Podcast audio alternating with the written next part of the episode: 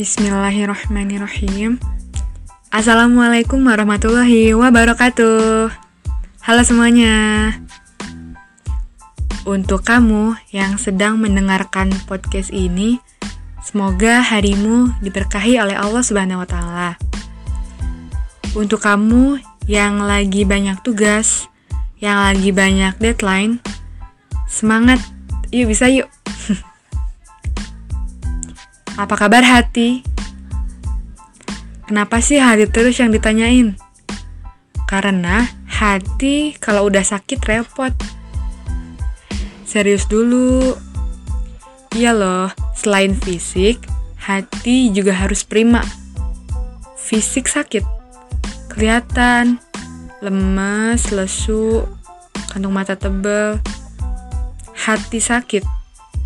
Hmm, terkadang tuh tuh ada orang yang pinter banget nyembunyiin perasaannya. Ya perasaan, nyembunyiin sakit hati dia. Jadi dia kelihatan seolah-olah everything's okay gitu. Padahal hati menangis. Duh. Kenapa bisa kayak gitu? Kenapa seurgent itu? Karena hati itu isinya nggak ada yang tahu kecuali kita sendiri sama sang maha pemilik hati yang sebenarnya. Ya, cuma kita sendiri dan Allah yang tahu. Bahkan malaikat pun nggak tahu apa yang ada dalam hati kita. Maka dari itu, selain mawas diri, mawas hati juga perlu. Makanya di awal aku tanya, apa kabar hati? Semoga hatinya baik-baik uh, dan selalu ternutrisi dengan yang baik-baik juga. Terkait hati dan apa-apa yang ada di dalamnya, itu tuh sebenarnya banyak banget turunannya.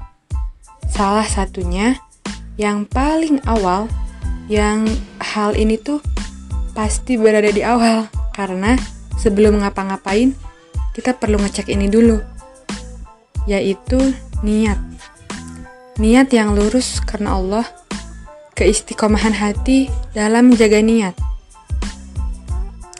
nah insya Allah kali ini aku ngajak teman aku buat ngobrol-ngobrol tentang niat dia teman aku yang lagi studi di kedokteran hewan IPB yaitu Hani Fatih Husna atau akrab disapa Hani. Jadi kita hari ini mau bahas tentang niat. Benar banget.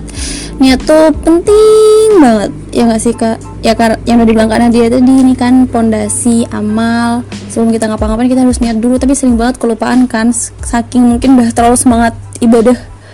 Niatnya kelupaan uh, jadi aku mau bahas ya aku mulai aja ya kak uh, kan niat penting banget kayak yang dibilang karena dia tadi dan emang udah dibuktiin pentingnya dengan uh, dicantuminya hadis tentang niat itu di hadis nomor satu di buku hadis arba'in. Hmm, pasti semua orang udah pada familiar banget sih hadis ini yang innamal a'malu niat wa innamal likulli imri'in uh, tadi kan innamal a'malu niat jadi sesungguhnya amal itu tergantung pada niatnya. Wa innama likulli imri'in dan untuk setiap apa sih likulli imri'in wa intinya tuh setiap perbuatan tuh pasti ada balasannya gitu ganjarannya. Buat redaksinya ntar kita buka lagi di hadis arba'in aku lagi ada internet parah. Amal itu benar-benar tergantung sama niatnya. Maka setiap ibadah itu pasti ada rukun niat ya nggak sih? Yang depan sendiri maksudnya rukun yang paling pertama tuh pasti ada niatnya gitu. Penting banget. Kayak apa sih? Buat apa sih kita beribadah gitu. Buat ngapain sih kita melakukan ini gitu? Kan kita harus niatin dulu gitu. Dan itu juga nunjukin spesialnya kita jadi orang muslim tuh di sini. Karena kita diajarin sama Allah dari ibadah aja dari hal yang paling kecil aja kita tuh harus meniatkan gitu.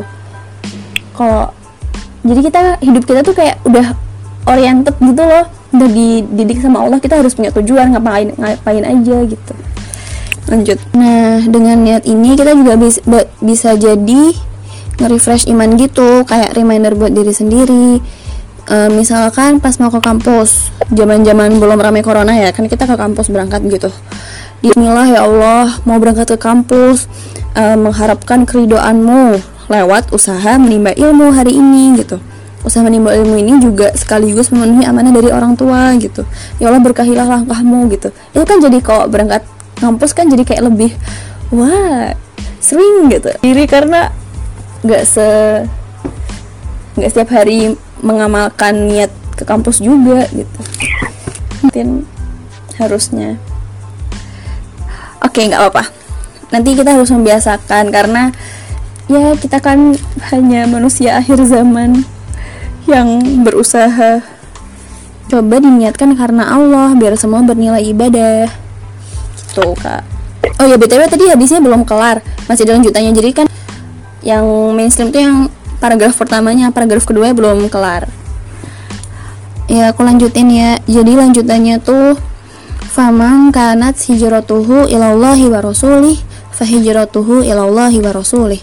Wa man kanat hijratuhu lidunya yusibuha aw imra'atin yankihuha fahijratuhu ila ma hajara ilaih. Nah aku tuh ngerasa amazed banget gitu kak di paragraf kedua ini karena aku pernah baca uh, kalau hadis ini tuh emang nunjukin betapa baiknya Allah pada hambanya, betapa besarnya rahmat Allah gitu.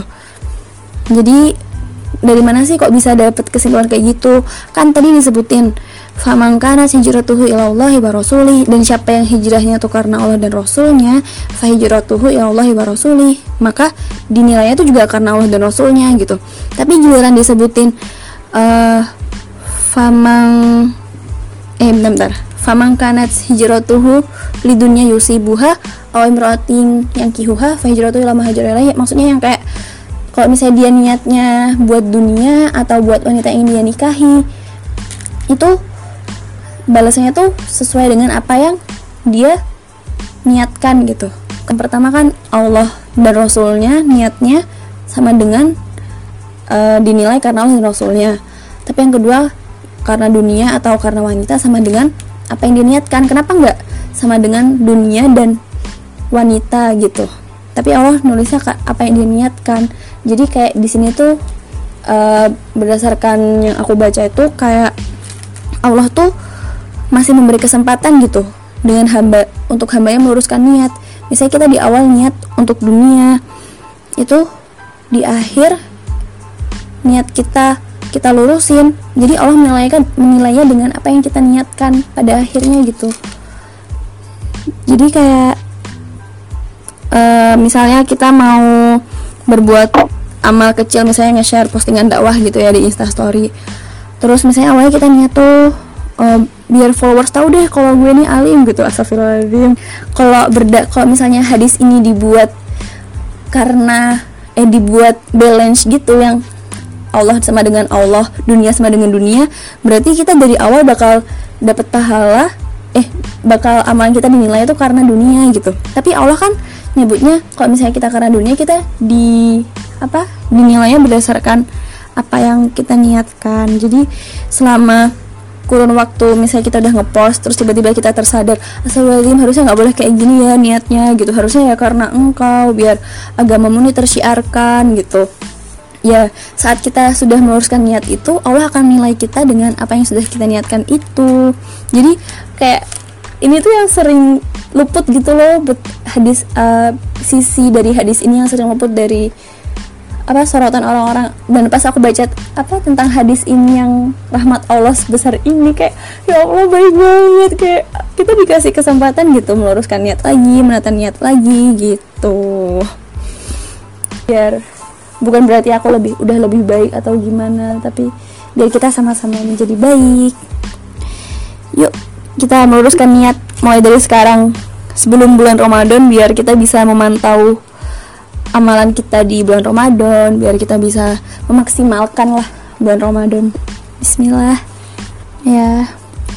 Bismillahirrahmanirrahim. Makasih yang udah denger uh, terus akhir kata apa sih yang diceramah-ceramah itu kak? Uh, oh ini nih. Uh, baiknya itu datangnya dari Allah dan jelek-jeleknya tuh ya karena saya sendiri jadi mohon dimaafkan dan semoga bermanfaat Masya Allah, tabarakallah Hani, makasih banyak atas waktunya. Intinya Hani ngajak kita buat selalu istiqomah dalam kelurusan hati. Remind kita buat selalu ngecek uh, hati kita niatnya udah lurus belum? Ada niat-niat yang lain nggak? Uh, di setiap kegiatan kita, di awal, di tengah, di akhir, setiap helaan nafas, setiap langkah kaki itu niatkan karena Allah. Sekali lagi makasih banyak Hani.